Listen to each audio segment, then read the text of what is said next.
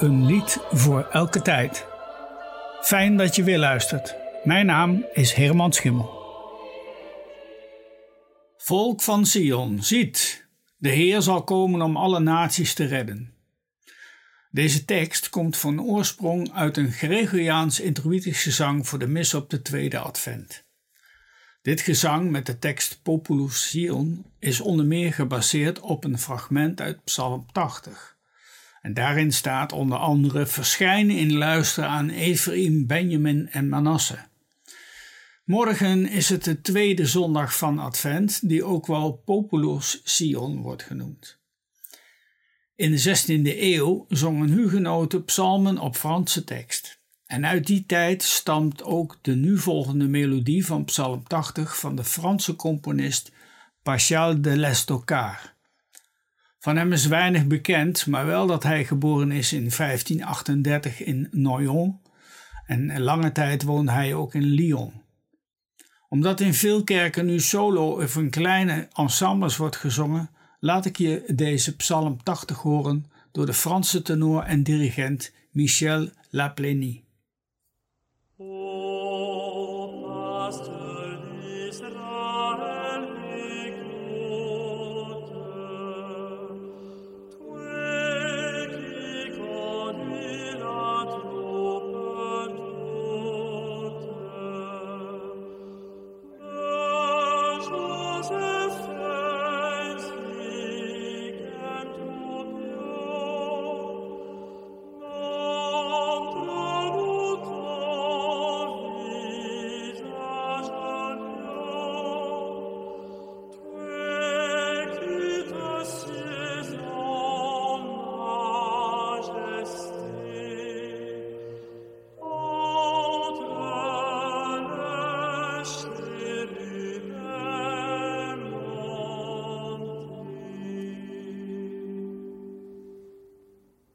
Vertelde je vorige week dat er een enorme keuze is aan adventsliederen.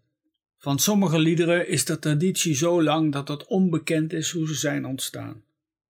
Zo'n lied is ook het Duitse Macht hoog die tuur die torenmacht waait. Beter bekend als Hef op uw hoofden poorten wijd. Die melodie ontstond al in 1704 in Halle. U weet wel, de stad waar Hendel werd geboren. Het lied is in Europa wijd verspreid. De tekst is gebaseerd op Psalm 24. En die psalm wil ik nu laten horen. Psalm 24, gezongen door het koor van de Westminster Abbey onder leiding van Martin Neary.